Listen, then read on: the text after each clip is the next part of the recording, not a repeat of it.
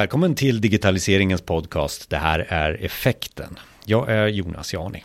Jo, men det här att ta sig från IT till digitalisering, det har vi ju kanske hållit på med i några år nu, anser en del organisationer och verksamheter. Och vi har också försökt då affärsförbättra oss. Och Mats Lövström, välkommen till podden. Tack Jonas, kul att vara här. Människor i IT-världen, det är en av dina eh, titlar på, på böcker, eller en serie av böcker som du, som du skriver på och det var därför det var intressant att bjuda in dig till den här podden. För den, det som vi är nyfiken på, så eh, enligt dig, hur, hur, ser du på det här med de, på de svenska företagens utväxling, om man får kalla det då, att från IT till digitalisering? Vad är din åsikt? Ja, först och främst ska vi väl säga att det är, det är mycket magi runt det här med, med digitaliseringsbegreppet. Det dyker ju upp överallt och, och eh, sägs och pratas om. Men egentligen så, så handlar det ju om att ja, få till en affärsförbättring eller förbättring av en verksamhet med hjälp av informationsteknologi. Och det där har jag rätt det har jag lång erfarenhet av. Jag håller på 40 år med det där. Det hette ADB när jag började på 70-talet. Och sen har det haft olika hype-begrepp. Men, men som sagt det är viktigt att, komma ihåg att det handlar egentligen bara om att förbättra en given verksamhet med hjälp av informationsteknologi på bästa sätt. Så att med din erfarenhet då eh, upp till 40 år så känner du att det går om och om igen men man har andra begrepp bara men det landar alltid i att vi ska komma till en lösning som är bättre än den var tidigare? Är det, är det så? Människan med där i, i, i biten också? Ja, så är det absolut. För att en verksamhet är ju inte, är ju inte människor och IT i, i någon sorts eh, två, tvådelad historia utan det, det är ju människor tillsammans med IT. Det är människor som använder IT. Och det där har ju varit så hela tiden.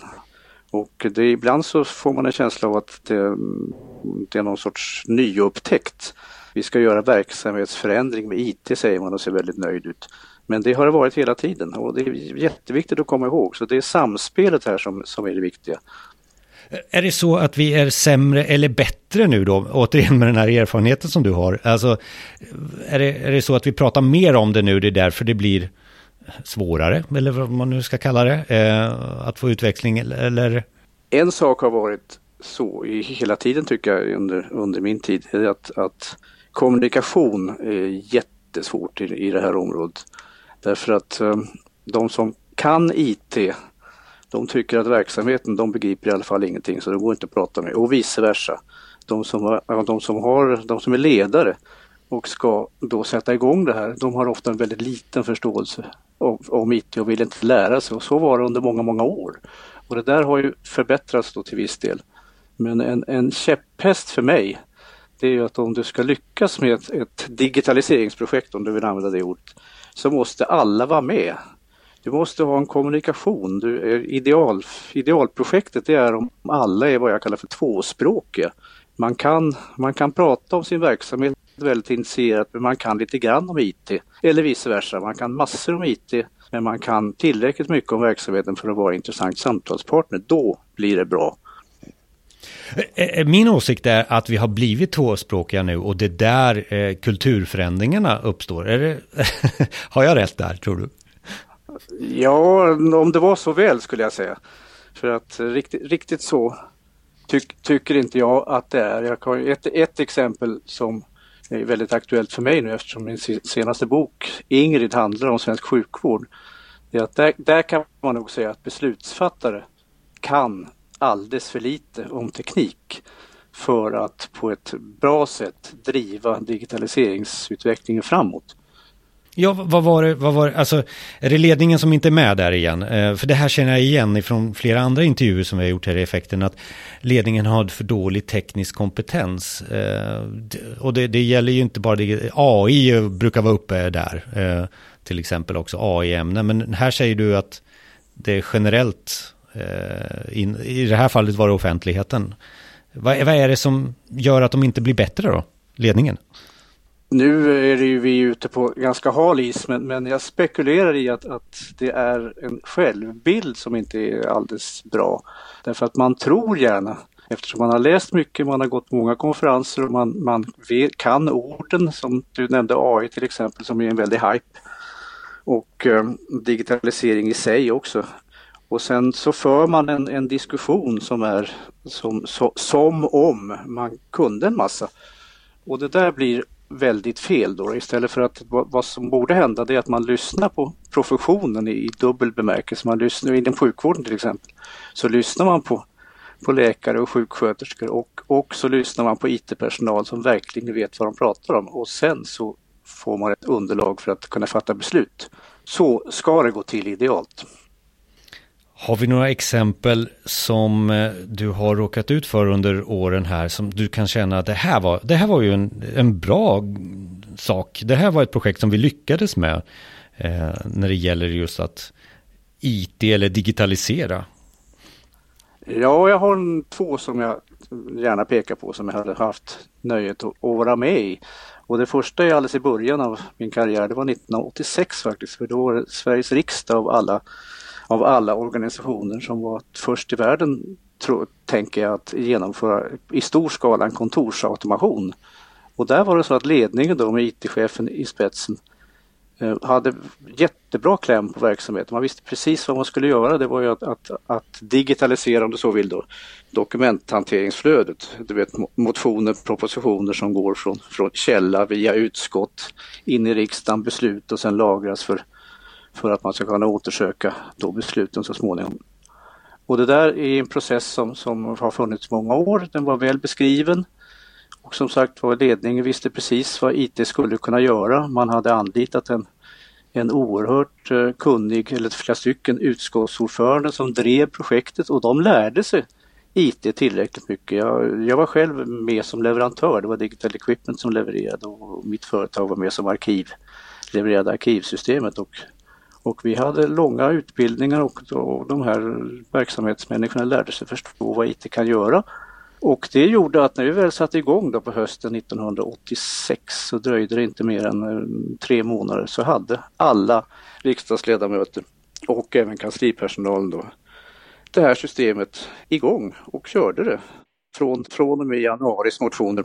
Men, men det är ganska tungt ämne eh, så som man känner sådär när man har hållit på ett tag i, i branschen. Att, oh, hur lyckades man med det där? För det där var ju tungt ämne. Vad skulle du säga var nyckeln till, till en, en god, ett gott resultat? Nyckeln var för, för, det första som jag sa då att, att, att alla var med på det och tyckte att det, det här ska vi göra. Alla förstod vad man skulle göra. Och sen hade man gjort väldigt bra förberedelser i och med att man hade beskrivit de här processerna jättenoga och la ner oerhörd möda då på, på upphandlingen att välja leverantör som verkligen förstod vad man ville göra och som, och som hade en liknande kultur och insikt om att det här ska vi göra och, så att det blev så att man blev ett team. Leverantör, de som skulle använda det och, och även de som, som skulle använda det i slutändan, alltså nämligen, nämligen eh, ja, medborgarna. Och, det är intressant att lyssna lite, för, du, för jag hör ju att du säger kommunikation där i början och, och, och det var det som, som lyckades. Och, och, tre saker, kommunikation, teknik och processer. Ofta så kanske man bara ställer sig i en ruta, men här gifter ni ihop alla tre som jag uppfattar också det hela. Ja, det stämmer precis det och, det intressanta då tycker jag det är att, att de som var inblandade på, på något sätt, alla som var inblandade, kunde lite grann i alla fall om, om alla, de här, alla de här områdena. Både teknik, verksamhet och kommunikation. Så då, då blev det bra. Jag tror att det här projektet den, det pratades om vid kaffeborden på ett naturligt sätt också så att alla, alla, alla förstod och tyckte att det här är någonting som vi håller på att genomföra och vi vi tycker att det är bra och vi kommer att börja använda det när det, när det väl är färdigt. Har du några mer sådana här intressanta eh, exempel på, på bra eh, lösningar eller utmaningar i lösningar? ja, jo, jag, jag, har ett till som är närmare i tiden och det hade, hade nöjet då att av en slump faktiskt komma in i Boliden på mitten på 2000-talet som eh, projektledare och, och rådgivare. Och de var ju mitt i starten på en, en digitalisering om du så vill, för de hade ju kommit en bit efter på 90-talet och hade mycket att, att, ta igen för det första. Och sen så ta, och utnyttja den potential som, som fanns då i att använda IT på ett, på ett nytt sätt inom gruvindustrin. Och det är ju ett kul exempel därför att gruvindustrin är det mest konkreta som du kan tänka dig. Plocka upp malm ur jorden och sen, sen få förvandla den till, till slig och sen bearbeta den till metall. Och så ska du på med IT i alla de här processerna då.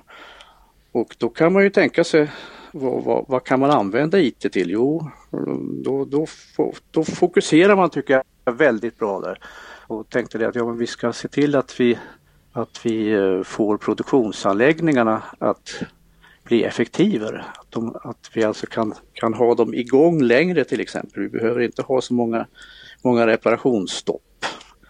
Gruvorna ska vi kunna bryta malm även på udda tider. Det kanske vi kan göra om vi kan automatisera delar av processen och kanske till och med, sa man då 2005, köra med, med förarlösa truckarna in i gruvan.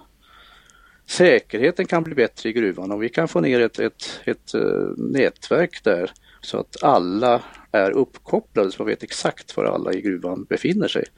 Sa man 2005, det var ju ganska visionärt men det var ändå, det kändes ändå möjligt. Och den resan fick jag vara med på, den var i tio år. Och det var hur kul som helst. Det mesta av det där är ju genomfört eller på väg att genomföras. Och jag följer det med stor spänning från sidan så att, och, och, så att det är ett, ett bra exempel.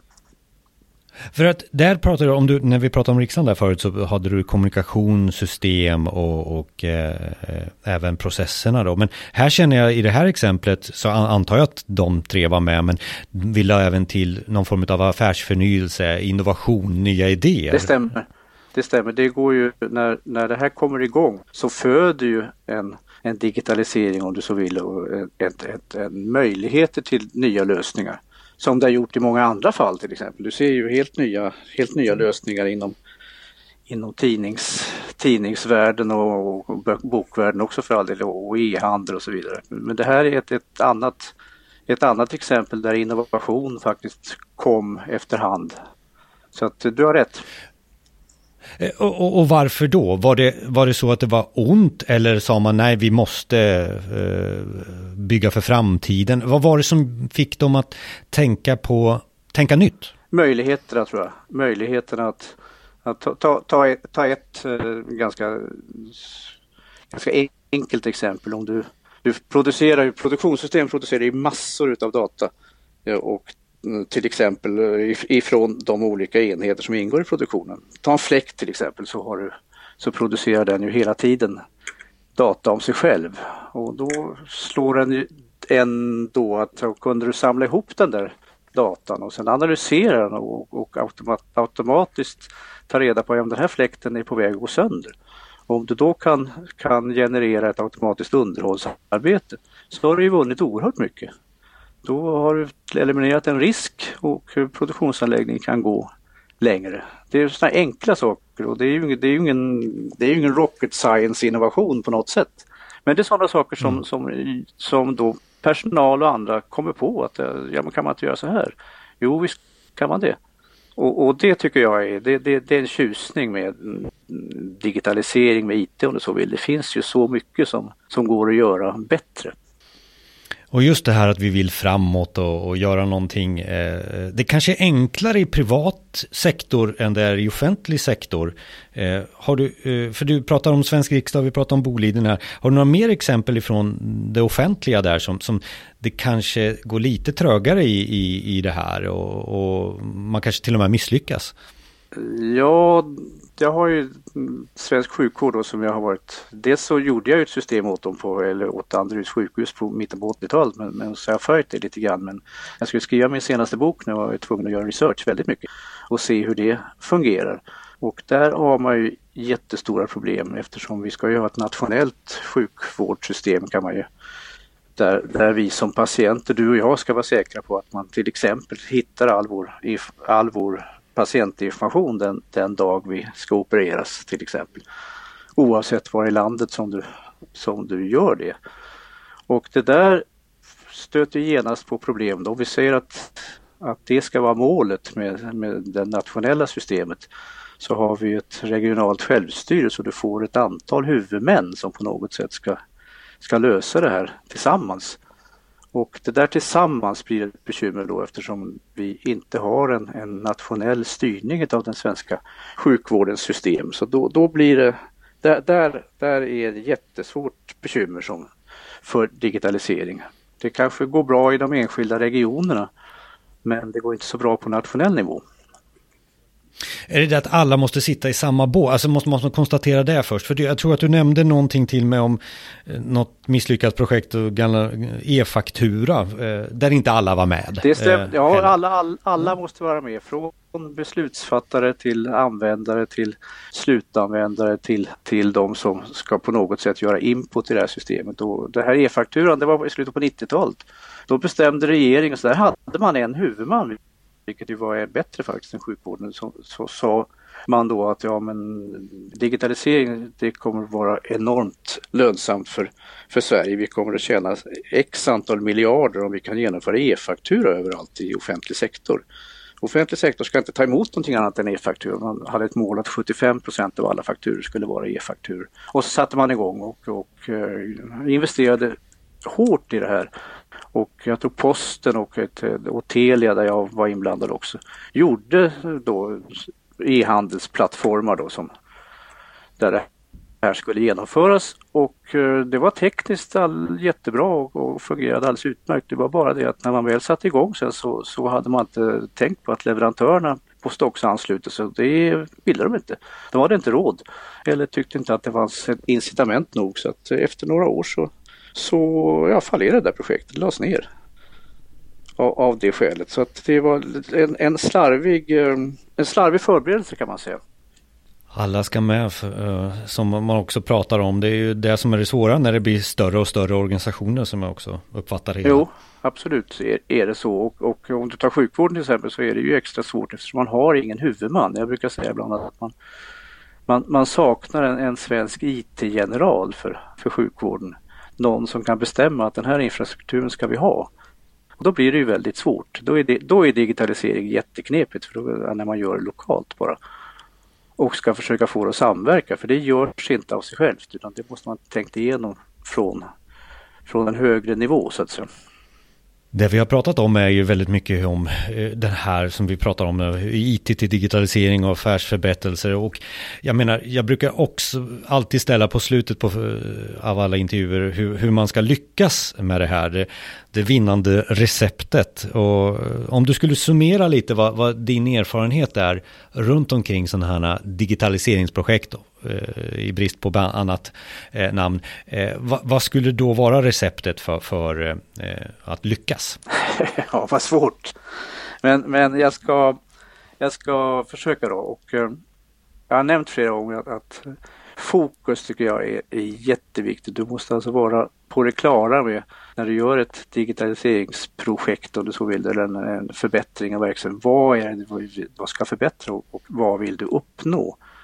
Där har du ett, en, en riktig utmaning. Sen, där kan man väl också lägga till att digitalisering behöver inte vara så himla krångligt som, som vi ibland vill göra det till. Ibland kan ju digitalisering bara vara en, en ren, ett rent underhåll, en ren förbättring.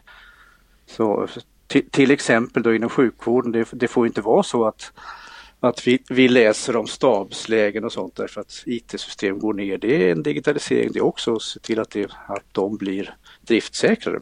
Så fokus skulle jag säga är, är det första. Att, och att, att det är tydligt för alla att vad det är vi vill uppnå. Då kommer man in på nästa punkt och det är att när man gör ett digitaliseringsprojekt så måste du ha med dig alla. Du måste veta att alla har förstått. Du måste använda dig utav alla. Att all den kunskap som finns i en organisation om verksamheten och om IT blandas på ett, ett bra sätt. Att du, att, du kan, att du kan kommunicera på alla nivåer, inte minst ifrån ledningen då som måste veta vad, på, på vilket sätt som man kan föra ut det här och förstå också vad det är som, som verksamheten håller på med.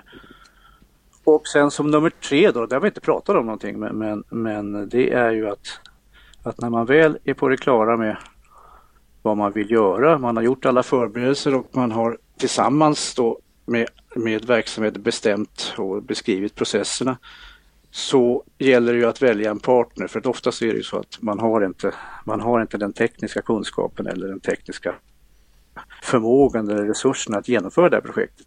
Och den delen skulle jag säga är, den, den är fundamental. Du måste välja en, en, partner som, som passar in i den här alla är med Tillsammanskulturen och som också då är, är väldigt eh, driftig och, och kunnig på, på teknik och vet precis vad som ska, ska genomföras och hur.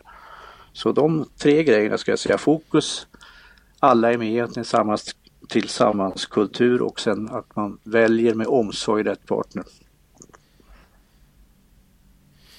På 20 minuter så hinner man inte kanske eh, ge alla recept klara sådär, men lite inspiration. Och, och Mats, du, du, du författar ju en serie böcker som jag uppfattar det, människor i, i IT-världen. Berätta lite mer om, om det. Ja, gärna. Det, jag fick ju den ingivelsen då när jag, min karriär var över och då hade jag redan skrivit några böcker som, som väl inte, som, ja, som inte togs emot särskilt, särskilt gott. Och då sa man skriv någonting som engagerar dig och som, som, som du kan och då blev det IT, IT-världen och det var väldigt lätt när jag väl satte igång. Därför att det finns mycket i, i, i, i den här världen som är så spännande och som är så intressant och en hel del som, som också är anmärkningsvärt på, på, på många sätt.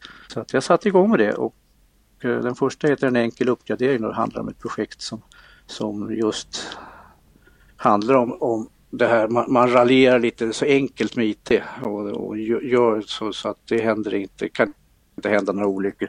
Så det är vad den boken handlar om och nästa är då, heter Ingrid och det handlar om en upphandling av ett sjukvårdssystem och den, den går lite mer i, i detalj på det här med det som jag pratade om, digitalisering av, av, av sjukvården och, och dels de egendomligheter som, som är med där. Och, så det där ska jag spinna vidare på. Och det, det är kul därför att det, det, ger en annan det ger en inifrån perspektiv av IT-världen som jag inte tror finns i så många andra, i så många andra böcker och som många kan lära sig av. Jag hoppas också att eh, den som lyssnar, jag tänkte att vi skulle ge dem chansen att vinna din bok genom att bara mejla först som mejlar till info effekten.se och refererar till det här avsnittet får en av dina böcker här eh, så, så skickar vi den till lyssnaren. Så info effekten.se. Mats Lövström, tack så mycket. Eh, vi lär återkomma till varandra och mer om dig och eh, länkar till det vi har pratat om kommer vi lägga ut på effekten.se. Tack Mats! Tack själv Jonas, det var roligt att vara med.